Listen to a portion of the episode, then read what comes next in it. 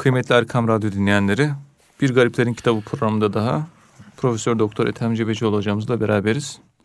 Öncelikle hepinizi saygı ve muhabbetle selamlıyoruz. Muhterem hocam, bir önceki programımızda tefekkür kelimesinden e, bahsetmiştiniz. Kur'an-ı Kerim'de tefekkür hangi manalarda geçiyor? Ne kadar geçiyor? Tefekkürün önemi nedir? E, bununla devam edebiliriz isterseniz. Buyurun efendim. Euzu billahi mineşşeytanirracim. Bismillahirrahmanirrahim. Elhamdülillahi rabbil alamin. Ves salatu vesselamu ala rasulina Muhammedin ve ala alihi ve sahbihi ecmaîn. Efendim Kur'an-ı Kerim'de tefekkür kelimesi çeşitli türevleriyle birlikte 18 yerde geçiyor. Tefekkür olarak. Evet. Yoksa düşünce manasında 700 tane ayet var. Ama tefekkür, tefekkere, yetefekkerü tefekkür, tefekkür kalıbında ve müştaklarıyla birlikte 18 yerde geçmektedir. Evet. Muhammed Fuat Abdülbaki'nin Mucemül Müfehris'in 525. sayfasındaki elde ettiğimiz bilgi bundan ibaret. Ama diğer manalarla beraber daha fa- fazla, fazla. değil mi? Daha fazla. Düşünmekle ilgili ayetler 700 tane. Evet. Efendim tefekkürün yanında yakın yani sinonim olarak benzer tedebbür kelimesi geçiyor Kur'an'da. Tefekküre yakın bir manası var. Tezekkür var. İşte bu şekilde yakilun, takilun gibi ibareler de var. Bunlarla eş anlamlı olarak da tefekkür kelimesi kullanılmaktadır. Efela tezekkerun, efela tedebberun. Yani düşünmez misiniz? Evet. Akletmez misiniz? Efela teakkın. Evet. Kur'an'da düşünmeyi teşvik eden ayetlerin sayısı geneli bakımından ele alınırsa işte 700-800 civarında olduğu görülmektedir. Allah'ın ayetlerini tefekkür etmek insanda marifet doğurur. Ama dikkat edin. Tefekkür düşündüğün şeyi içselleştirmek. Yani manasını içeride duymak. Hocam duymak ne demek oluyor? bir şeyin manasını içinde duyman demek, onu hayata dökebilmen demek. Namazla ilgili ayetleri okudum. Aklım anladı. Tamam. Evet. Kalbim tatmin oldu mu? Kalbin tatmin olduysa namaza başlarsın. Tatmin olmadıysa namaza başlamazsın. Akılda kalıp kalbe inmezse, boğazdan aşağı ayet inmezse, gırtlaktan aşağı Kur'an ayetleri inmezse sadece akılda bilgi olarak kalır. Bilgisayardaki bilgi gibi, bilgi gibi. Uygulama yok. İşte tefekkürün manası bu. Etki edecek ve o etki neticesinde iç motivasyon, şuur altından gelen dürtüler ve motivasyonlar sende namaz eylemini ortaya çıkaracak. Tefekkürde böyle bir mana var. Yoksa düşündüm geçtim. Ona tefekkür denmez. Senin hayatını değiştiriyor. Senin fiillerini, edimlerini, senin faaliyetlerini, amelini, yaptığın işleri etkiliyorsa tefekkür tefekkür. Amel varsa kalp etkilenmiş demektir. Uygulama yoksa, amel yoksa o mana namazın manası akılda bilgi olarak kaldı. Kalbe mana olarak inmedi ve seni motive edecek şuur altından, kalpten, iç aleminden herhangi bir dürtü ve motivasyon yok. Namaz kılmaz hale geliyorsun. Tefekkürde bu var. İnsanı etki altına alıp gereğini yapılması yönde onu motive eder, onu hareketlendirir. Ve bu çok önemli bir husus. Evet. Onun için tefekkürlü okuyun Kur'an'ı. Yani okuyacaksın, anlayacaksın, yapacaksın. Okuyacaksın, anlayacaksın. Bu devirde hep Kur'an okuma, anlama. Kur'an anlama çalışmaları.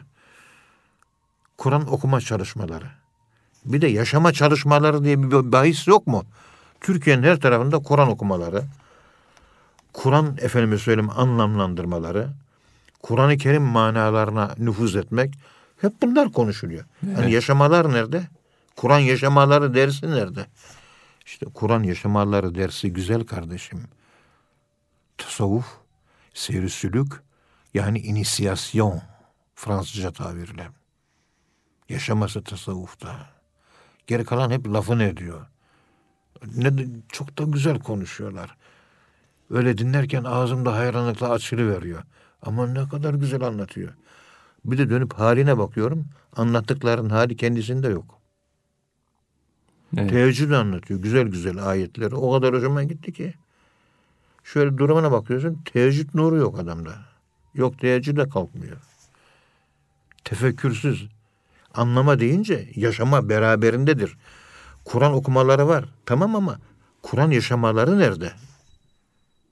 Kur'an yaşamaları tasavvuf okullarında, tasavvuf ekollerinde, tarikatlarda bir tarikat-ı aliyeye intisap edeceksin.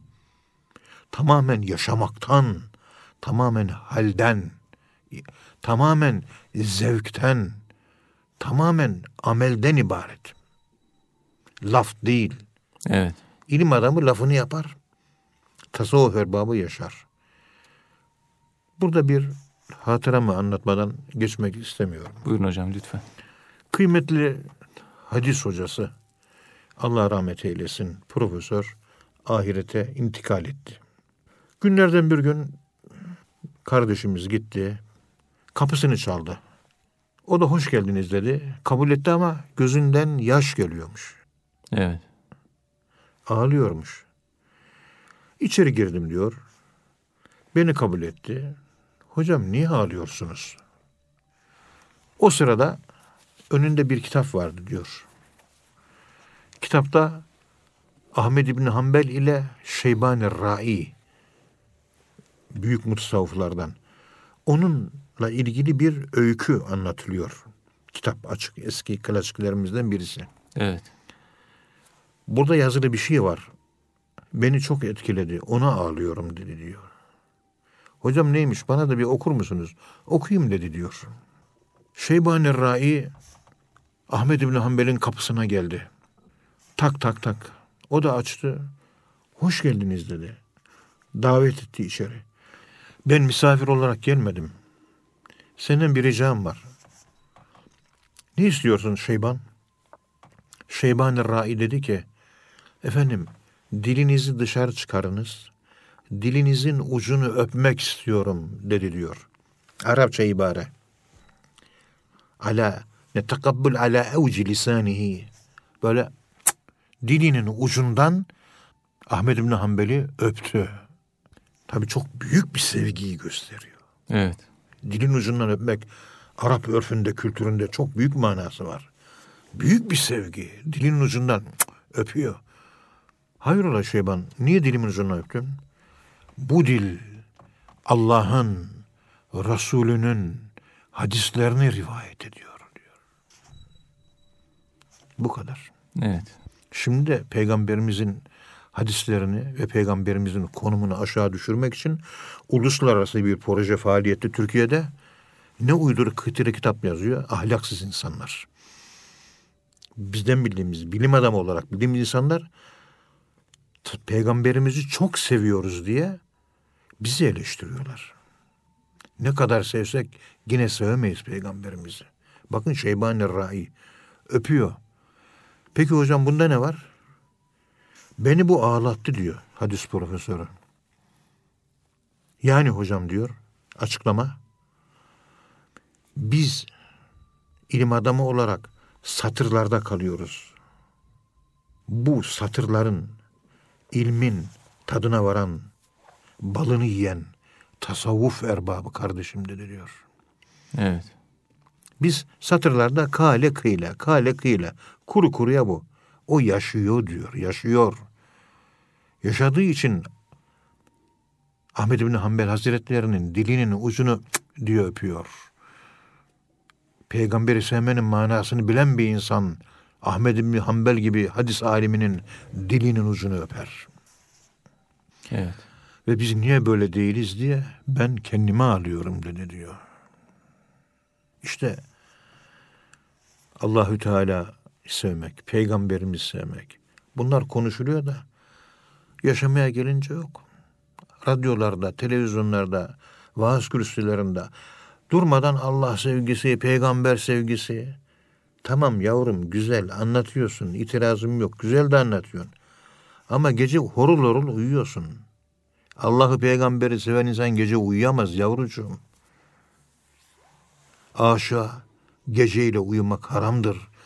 Kişinin Allah aşığı olduğunun alameti gece uyuyamamasıdır. Sen akşam kafaya bir vuruyorsun saat 10'da sabah namazını zor kalkıyorsun. Teheccüde bile kalkamıyorsun. Gece uyuyamaz. Peygamberimiz yatar bir saat sonra kalkardı. İki saat sonra kalkardı. Bir daha da uyumazdı. Biz hem uyuyoruz hem de Allah'ı sevme, Resulullah sallallahu aleyhi ve sellemi sevme davasında bulunuyoruz. Heyhate heyhat. Onlar bize uzak. Onlar Evet. bize uzak. Bu boy aynasında inanın Vahit Bey, kendimi hep cüce görmüşümdür. Dua edin de boyum uzasın biraz. Estağfurullah hocam. Siz- Ya. Sizler bize dua edin inşallah. Ee, hocam tefekkür kelimesine dönersek e, yani tefekkürden bahsediyordunuz. Ee, tefekkürün manasından bahsettiniz. Kur'an-ı Kerim'de tefekkür kelimesinin ne kadar Tabii, geçtiğini tabii. anlattınız. Evet. Efendim bu tasavvufta, tefek- tasavvufta tefekkür nedir Tabii. Esat Efendi? tefekkürden marifet doğar. Özellikle Allah'ın nimetleri üzerinde tefekkür etmek insanda Allah'a karşı sevgiyi doğurur. Allah verdiği sözü ve sevabını Allah'ın vaadini, Allah'ın sevabını tefekkür etmekten de umut, ümit, reca doğar. Evet. Yani Allah'ın azabını tefekkürden de cehennemi de tefekkür etmekten de havf doğar. Tefekkürden hem ümit doğar hem ümitsizlik doğar. Hem korku doğar hem umut doğar. Hem reca doğar hem havf doğar. Nefsin cefasını Allah'ın ihsanı ile birlikte tefekkürden ise Allah'a karşı utanma duygusu doğar. Bir insan Allah'ın ihsanını düşünür, verdiği nimetleri düşünür. Ama nefsinin de Allah'a karşı cefa ettiğini düşünürse bu kadar nimet karşılığında ben niye cefa edeyim? Ve utanç duyar, utanır. Çünkü adam sizden iyilik görüyor. Adam sizden efendim söyleyeyim fayda görüyor. Aynı adam cebinizden paranızı hırsızlık yapıp çalıyor, kendine gidip bilgisayar alıyor Evet. ve utanmıyor. E adam zaten iyilik yapıyorsun. Cebindeki parayı çalıyor. Senin paranla gidip bilgisayar alıyor. Evet. Hırsızlık yapıyor. Ahlaksızlık yapıyor. Biz de işte bu hırsız gibi Allah'ın nimetlerini yiyoruz ve Allah'a ihanet ediyoruz. Onun sofrasından, nimetlerinden yiyoruz. istifade ediyoruz, teşekkür bile etmiyoruz. Ona cefa ediyoruz. İşte bu konuları derin derin düşünürseniz Allah'ın tahdis nimet dediğimiz nimetlerini dile getirir, tefekkür ederseniz siz Evet. o zaman Allah önünde ister istemez bir ar, bir utanma, bir haya duygusu oluşur. Bu haya duygusu kişide imandan kaynaklanır. Utanmak imanı artırır. Allah önünde utanacağımız o kadar çok şey var ki. O kadar çok şeyden dolayı Allah'tan utanıyoruz ki. El hayâ'u minel iman. El hayâ'u minel iman. Haya. Utanmak imandandır. Men la haya lele. Men la haya ele. Fela iman leh. Bir insanda utanmak yoksa onda iman da yoktur. Ve inlem testahi. Eğer utanma yoksa sende if al maşite. Dilediğin günah işle. Sen günahın büyüklüğüne bakma diyor Mevlana. Günahı kime karşı işliyorsun ona bak. Çok korkunç bir şey bu. Evet. Ama bu manayı Mevlana'nın ifade ettiği bu anlamı anlayacak kafa nerede? Kafalar cüce. Beyinler kuş beyni gibi küçük. Bana anlayacak beyin getir. Bana anlayacak akıl getir. Nerede acaba? Lütfen göster bana. Rica ediyorum. Tabi tarikatlarda hocam te- te- tefekkürden bahsedilirken murakabe ile birlikte e, ele alınıyor. E, yani e, derin tefekkür, derin düşünmeden bahsediliyor. Peki Esad Efendimiz e, tefekkürden kısaca nasıl bahsediyor hocam? Efendim muhterem Esad Efendi Hazretleri Kuddüses Yurru Kur'an-ı Kerim'in Hz. Muhammed Mustafa sallallahu aleyhi ve selleme indirilmiş sırf bir nur, ilahi bir kanun, düstur ve ahlak mecellesi olduğunu, bir ahlak kanunu, al ahlak kitabı, ahlak kuralları kitabı, ilahi kanun ve nur. Bu kitabın Allah'ın vahdaniyetini bir onun iradesine teslimiyeti maddi ve manevi terakkiye medar olacak. İlim ve irfanın tahsilini, iffet ve namusun gerekliliğini, kardeşliğin esaslarını kuvvetlendirmeyi emrettiğini belirtmiş ve yine Esad Erbil Hazretleri Allah'ın tüm bunlar üzerinde insanları derin tefekküre davet ettiğini ifade etmiştir. Yani Allah'ın nimetleri üzerinde, Kur'an üzerinde. Allah'ın birliği üzerinde, Allah'a teslim olmak üzerinde, efendim söyleyeyim ilim üzerinde, irfan üzerinde, namus ve iffet üzerinde, kardeşlik esaslarının kuvvetlendirilmesi gerektiği üzerinde, bunların üzerinde tefekkür etmeyi Allah emretmiştir. O zaman biz de tefekkür edelim diyor. Allah'ın emridir bu. Evet. bir Hazretleri bu şekilde Allahü Teala'nın yönlendirmesine uymamız gerektiğini söylüyor. Çok düşünmemiz lazım ve o düşünceyi de içselleştirmemiz, yani hakikatine vakıf olup yaşantıya dökmemiz, amele dökmemiz, uygulamaya dökmemiz gerektiğini vurguluyor. Evet. Yani lafta kalmasın.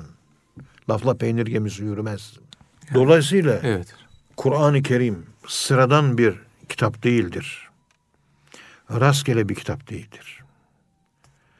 İnsanları gaflet ve cehaletten kurtaracak, ahlaksızlığı ve fenalığı kökünden söküp muhabbet, sadakat, merhamet, cesaret, çalışmak, gayret etmek bu gibi kıymetli faziletleri öğreten bir kitaptır.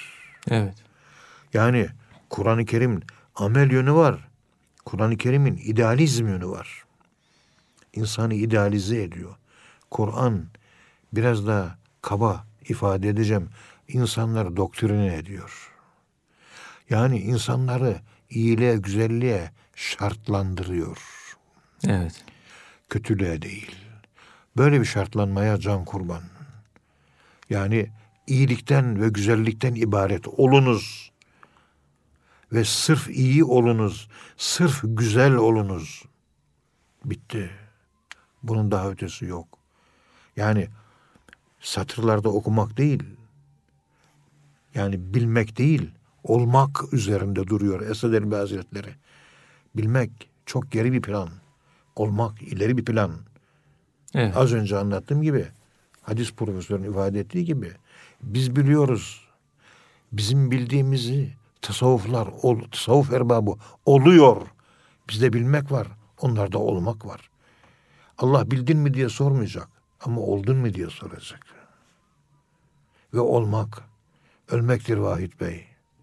Ölmek olmaktır. Evet. İşte olgun insan fena makamına ermiştir. Olmuştur yani ölmüştür. Bunu William Shakespeare'in bir Müslüman olduğu söyleniliyor. Romeo ve Juliet eserinin en son mısrasında diyor ki That is all problem. Bütün mesele bu. Çok konuşmayalım. Meselenin özü şu. To be or not to be, olmak ya da ölmek. To be or not to be, olmak ya, ya da ölmek. Olmak ölmek, ölmek olmaktır. Onun için geçen sene İngiltere'de çok ciddi olarak Shakespeare'in bu satırlar söyleyen bir insanın evet. İslam irfanından haberdar olması gerektiği tartışıldı. Shakespeare değil de adının Şeyh Pir olduğu konusunda çok ciddi iddialar çok ciddi argümanlar ileri sürüldü. Şeyh Pir Shakespeare manası buymuş. Esas ismi adı buymuş. Onu evet, öyle evet. söylüyor. Olmak ya da ölmek. Ölmek olmak, olmak ölmek demektir. Fena makamına ermek. Metafizik ölüm olgunluktur. Cenab-ı Allah bizi o hiçlik makamına ulaştırsın. Amin. O yokluğu yaşatsın. Ney olalım ki nameler çıksın. Kendimiz sarhoş, alem sarhoş, hancı sarhoş, yolcu sarhoş ve kıyamete kadar, hesap gününe kadar müheyyemun melekleri gibi kendinden geçmiş. Kendi meşhur, kendi medhuş olmuş, aklını başından yitirmiş, kendinden geçmiş. İşte bu yapı Evet. çok yüce bir yapı. Cenab-ı Allah bizi buralara tırmandırsın inşallah. Amin. Hepimiz çok yüceyiz be. Estağfurullah. E, muhterem hocam, e, Konyalı Dişçi Baba'nın e, Kelam dergahına gelip Esad Efendi'ye intisabı ile alakalı bir e, hatırat var. E, bundan bahsedebilir misiniz? Euzu billahi mineşşeytanirracim. Bismillahirrahmanirrahim. Elhamdülillahi Rabbil alemin. Ve salatu ve selamu ala Resulina Muhammedin ve ala alihi ve sahbihi ecmain. Menkıbe efsane değildir. Menkıbe masal değildir. Batılı dilde anekdot diye tabir ettiğimiz efendime söyleyeyim yani gerçek hayat öyküleri bu anlamda bir değere sahip. Efendim bu anlatılan kıssalar ne işe yarar? Yani kıssatü salihin cundun min cunudillah büyük zatların hayatları onları dinlemek Allah'ın ordularından bir ordu Allah'ın kulun kalbine vermiş olduğu bir kuvvettir diyor. Bu bir hadis-i şerif. Evet. Risale-i Kuşeyriye'de efendim 301. sayfasında şöyle bir nakil var. Bir gün Cüneyd-i Bağdadi'ye geldiler, sordular. Ey Cüneyd! Tasavvufi menkıbelerin, hikayelerin müritlere anlatılmasının faydası nedir? Cüneyd-i Bağdadi Kuddise Sirruhul Aziz cevap verdi. Menkıbeler Allah'ın ordularından bir ordudur. Güçtür, kuvvettir. Evet.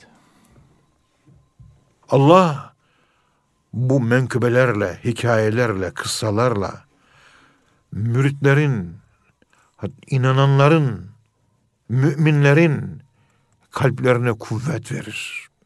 Sordular, bu söylediğiniz sözün Kur'an-ı Kerim'den bir delili var mı ey Cüneyt? Cüneyd-i Bağdadi Hazretleri dedi ki, evet bu söylediklerimin Kur'an-ı Kerim'de bir delili var. Hud suresi ayet 120. Allah Hud suresi 120 nolu ayette mealen şöyle buyuruyor. Ey Muhammed Allahümme salli ala seyyidina Muhammed. Allah Biz sana peygamberlerin kıssalarını anlatıyoruz. Bunu yapmak suretiyle senin kalbini sabitleştiriyoruz ve kuvvetlendiriyoruz. Tespit ediyoruz, takviye ediyoruz. Delilim bu ayettir. Ve Allah'ın bu sözü benim konuşmuş olduğum sözün şahididir diyor. Evet, menkıbeler bu ayet-i kerimeye göre önce kalbi sabit hale getirmek, da, kalbi dağınıklıktan korumak. Talebelerimden bazen oluyor Vahit Bey. Evet. Hocam çok dağınığım ben diyor. Nasıl toparlayayım? Evladım namaz kıl. İki rekat şükür namazı. Eğildiğin zaman 120 tane Sübhane Rabbiye lazım oku. Evinde tek başınasın. Secdeye varıyorsun. 120 defa Sübhane Rabbiye de. 15 dakika sürüyor. İki rekat şükür namazı. Kılınca şöyle bir namaz kıldım diyorsun. Kırgızistan'da, Kazakistan'da son gittiğimde gittiğim her İlahiyat Fakültesi öğrencilerine buyurun kılın dedim. Hepsi şunu söylediler. Hocam rahatladık ve namaz kılmışlık duygusu oluştu dediler. Evet. Yavaş yavaş kılıyor. Ağır ağır kılıyor. Namazı içselleştirerek, kalbinde duyarak kılıyor. Ama 120 defa Sübhane Rabbiyel Azim deyince ancak o namazı yani huşu o zaman meydana geliyor. Ben buna huşu eğitimi diyorum. Huşu kulvarına girmek namazda bir hayli zor. Şafii mezhebinde namazın içindeki şartlardan bir tanesi de yedinci şartı da namazı huşulu kılmak. Çünkü la salate illa bil huşu'i huşusuz namaz olmaz diyor. Tadil erken değil mi? Tadil Aynen böyle. riayet ederek. Tadil erkan ve kalpte hissetmek. Kalpte hissedebilmek. Bütün vücudun e, dengeye gelmesi. iç ve dış dengenin aynı anda sağlanması. İşte buradan hareketle diyor bunlara arkadaşlarıma, talebelerime diyorum. Evladım veyahut da gidin Şah-ı Nakşibend Hazretlerinin, Seyyid Ahmet er-Rufai Hazretlerinin, Abdülkadir Geylani Hazretlerinin, Kıddıs-ı Sürruhumul Aziz, bunların menkıbelerini, anekdotlarını okuyun. Rahatlarsınız. Okuyorlar. Hocam bir dengeye geldim diyor. İşte tespit ve takviye diyor Kur'an-ı Kerim'de. Kalp sabitleşti ve kalbe güç geldi. Karı koca kavga etmişler. Birbirleriyle çok aşırı ağız dalaşı yapmışlar. Evet. İşte Havle radıyallahu anhanın kocası Evis'le yaptığı bir kavga gibi mücadele süresi öyle geldi ya biliyorsunuz. Evet. Karı koca kavgası. Öylesine ki birbirlerine iyice girmişler. Fakire geldiler. Ben de işte fakültede de Ethem Hoca babadır. Yani ne olursa bana gelirler. Fakire gelirler. Ben de Marco Paşa gibi her geleni dinlerim. Elimden de bir şey gelmiyor ki. Dua ediyorum, gönderiyorum. Estağfurullah. Allah kabul ederse araları iyi olur. Etmezse iyi olmaz. Hocam ne yapalım dediler. Yani karı koca biz geçinmek istiyoruz. Aramız iyi olsun istiyoruz. Çok büyük bir kavga ettik. Pişman da oluyoruz ama ne yapalım? Şu anda gerginlik eşimde de var, bende de var. Kızım, kocana itaat et. Evin reisi, evladım. Hanımlar sertlikten hoşlanmaz. Biraz İstanbul beyefendisi ol. Kibar ol. Elegance ol. Nazik ol. Kibar ol. Evet. Konuşurken bile eşinize ismiyle hitap etmeyin. Hep hanımefendiye konuşun. Siz yavrum, kızım, sen de eşine beyefendi diye konuş. Saygı merkezli sevgiyi geliştirin evliliğinizde. Saygı merkezli sevgi sürer, gider. Sevgi merkezli saygı sürmüyor. Olmuyor. Saygı mahfazası içinde sevgi. Saygılı olun önce. Evet. Size dedim muhterem Mustafa Eriş kardeşimin yazmış olduğu rahmetli Sami Efendi Hazretlerinin şu o zaman iki cilt çıkmıştı. Bu iki cilt kitabını hediye ediyorum. Sizden bir ricam var. Bu kitabı vereceğim. 10 dakika sen okuyacaksın kızım. Kocan dinleyecek. Evladım, oğlum. Eşin okuduktan sonra 10 dakikada sen okuyacaksın. Her gün bu kitabı bir saat okuyacaksınız. Ne zaman? Yatsı namazından sonra. Evet. Bu kitabı lütfen üç gün içinde veya bir hafta içinde bitirin. Yavaş yavaş bir kızım okuyacak, bir oğlum sen okuyacaksın. Lütfen rica ediyorum dedim. Olur Ethem Baba. Okey dediler, kabul ettiler, gittiler. Üç gün sonra bir daha geldiler.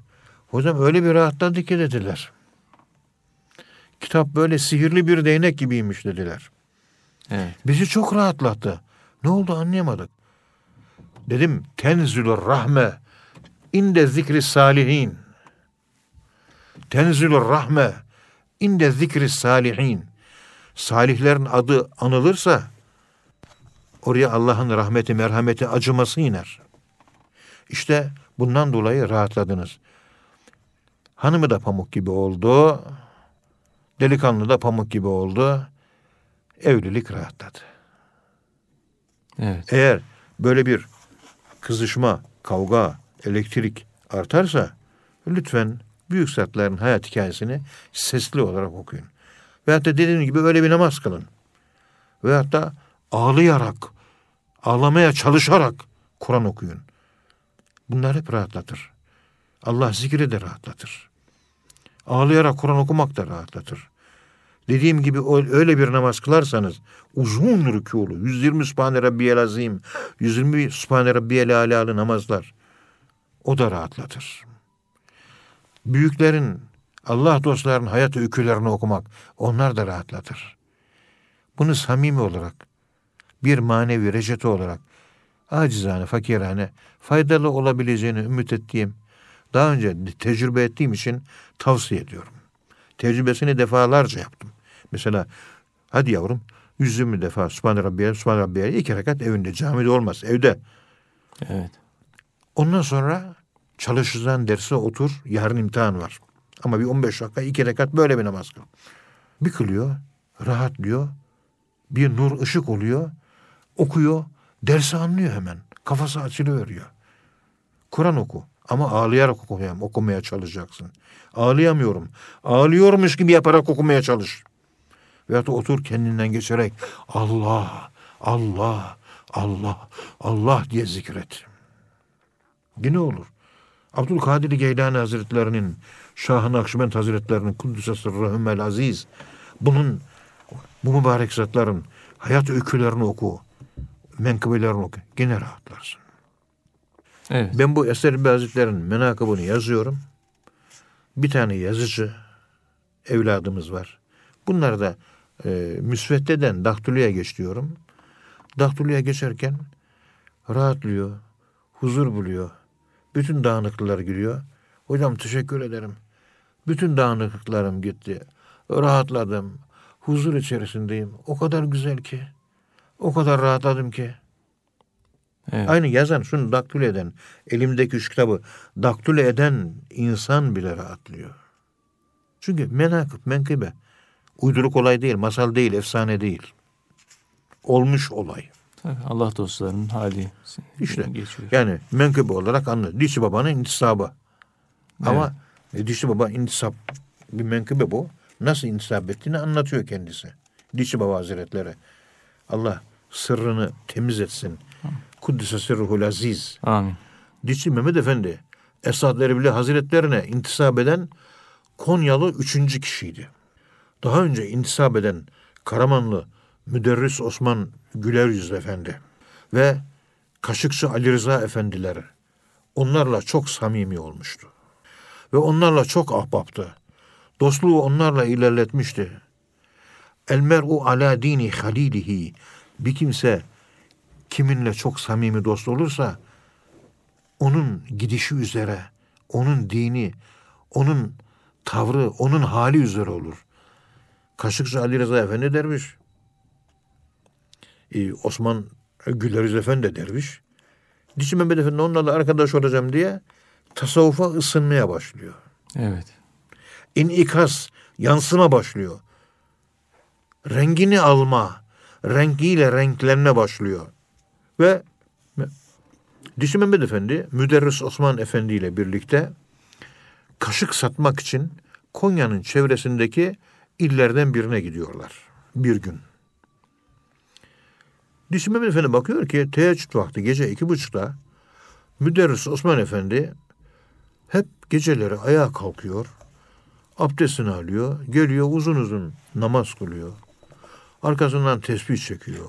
Arkasından sabah namazına da Kur'an okuyor. Bir gün Deşi Mehmet Efendi diyor ki Osman Efendi bu yaptığının manasını bana bir anlat diyor. Osman Güleriz Efendi ona güzelce tasavvufi hayatı, arkasından Esad Erbili Hazretlerini anlatıyor. Evet. İşte bu olayla birlikte Dişi Baba'nın gönlüne ilk aşk ateşi düşer. Ama orada konuşulduğuyla bu konu kalır ve bu konu bir süreliğine kapanır. Ama hoşuna da gider anlatılan güzel şeyler. Efendim aradan bir iki ay gibi bir zaman geçer ve Dişi Baba bir gece rüyasında Esad Erbili Hazretlerini Kuddüs'e ruhu görür.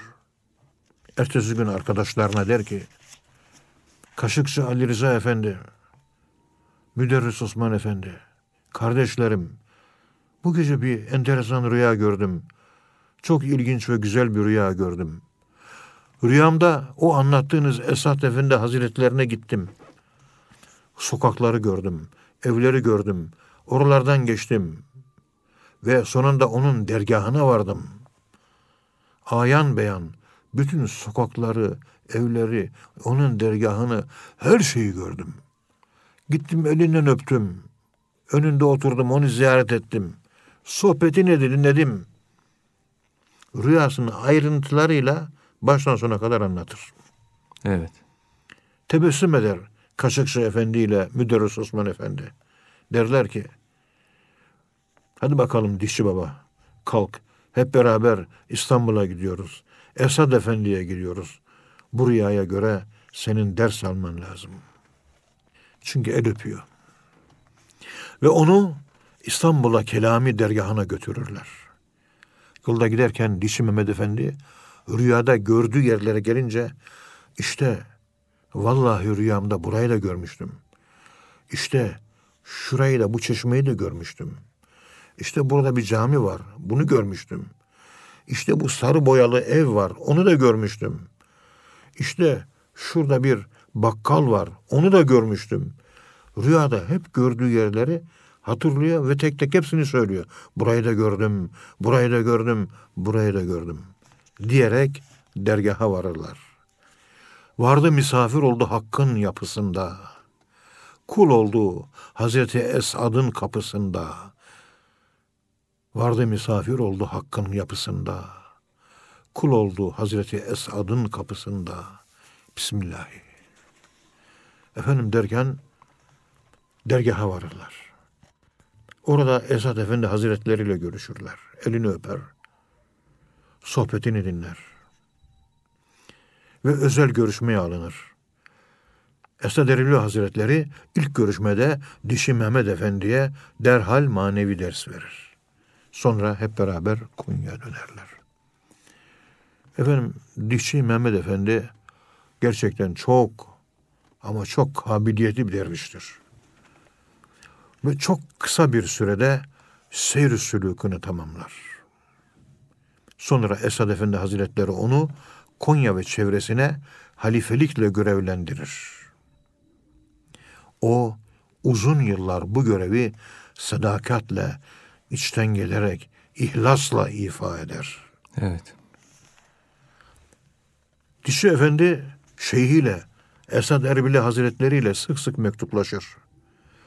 Ve ondan gelen tavsiyeleri Konya'daki ihvana şöyle yapın, böyle edin, mektubunda böyle yazdı, aman dikkat edin diye arkadaşlarına ve ihvana anlatırdı. Hayatının son dönemlerinde vefat edeli 40 seneyi geçmesine rağmen sohbetlerde sık sık Esat Efendi'nin mektuplarını hala ihvana okuyarak hicran dolu bir gönülle hüngür hüngür ağlar o mektupları yüzüne gözüne sürerdi. Mektup Hazreti Pir'dendir elbet ağlar. Dişçi babanın gözü yaşı akar çağlar. Mektup Hazreti Pir'dendir elbet ağlar. Dişçi babanın gözyaşı akar çağlar. Bismillahi. Öylesine ki Dişçi Baba Hazretleri bir bisikleti vardır. Evet. İri vücut, çok iri vücutlu. Nerede sohbet var? Bisikletine biner. Konya'da zaten düz. O bisikletiyle o sohbet senin, bu sohbet benim. Bütün sohbetlere gider. Bütün evleri ziyaret eder. Yıllarca bu görev devam eder. Uzun yıllar devam eder. Evet. Yaklaşık bir 60 sene kadar sürmüştür bu görevi. Hatta 65 sene kadar sürmüştür.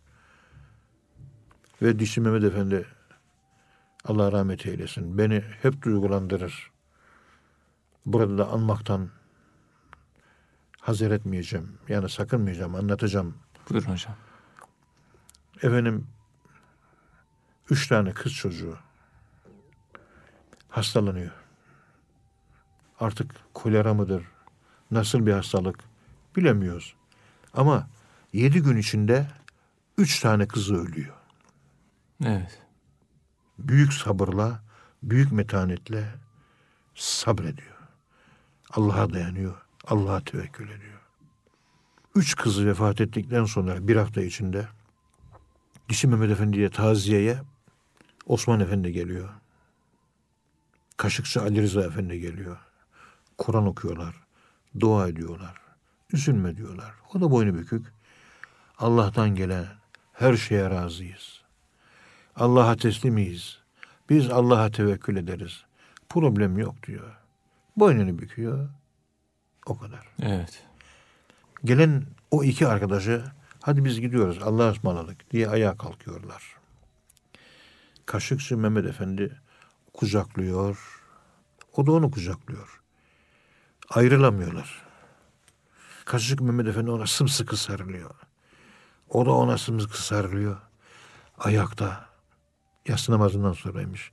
Allah, Allah, Allah, Allah, Allah, Allah, Allah. Zikre başlıyorlar. Bunu gören Osman Efendi de o da onlara sarılıyor.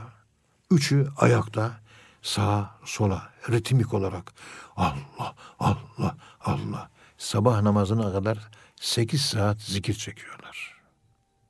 Ve ondan sonra ezan okununca bırakıyorlar zikri. Dişi Mehmet Efendi diyor ki bütün ağırlıklarım bu zikirle beraber gitti. Hamdolsun ve ahiru davahum enilhamdülillahi rabbil alemin.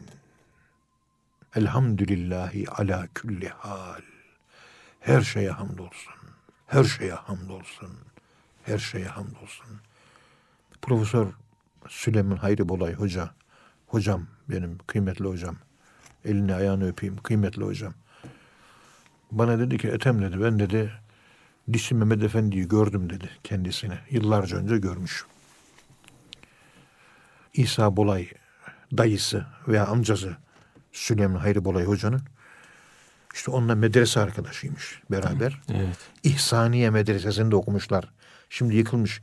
Keşke Konya Belediyesi yapsa da bir tarihi canlandırsalar. İhsaniye Mahallesi var Konya'da. Onun yüzünü hiç unutamıyorum diyor. Yani Dişi Mehmet Efendi yüzünü unutamıyorum. Pırıl pırıl, saf, en ufak küçük bir siyah nokta yok yüzünde diyor. Pırıl pırıl ve çok saf. Bir çocuk yüzü gibi. Masum, innocent, suçsuz, günahsız gibi sanki. Pırıl pırıl bir yüz. Vucuhun yevme izin nadıra. İlâ rabbiha nazıra. Ayet-i kerimede tabiat diyor ya. Yüzler var. O gün parlardı. Evet. İşte öyle bir yüzdü diyor. Pırıl pırıl bir yüz. Böyle Allah dostlarının yüzüne baktığınız zaman eğer sizi rahatlatıyorsa o Allah dostudur. Sıkıyorsa o Allah dostu değildir. Bir kişinin evliya olduğunun alameti işte budur. Dişi Mehmet Efendi'yi ben çok seviyorum. Gerçekten. Ve burada dile getirmekten de büyük mutluluk duyuyorum. Allah rahmet eylesin. Amin. Allah şefaatlerine nail eylesin inşallah hocam. Ee, ağzınıza sağlık. Allah razı olsun. Ee, muhterem dinleyenler bir program daha sonuna geldik. Bir sonraki programda tekrar buluşmak ümidiyle hepinize Allah'a emanet ediyoruz. Hoşçakalın efendim.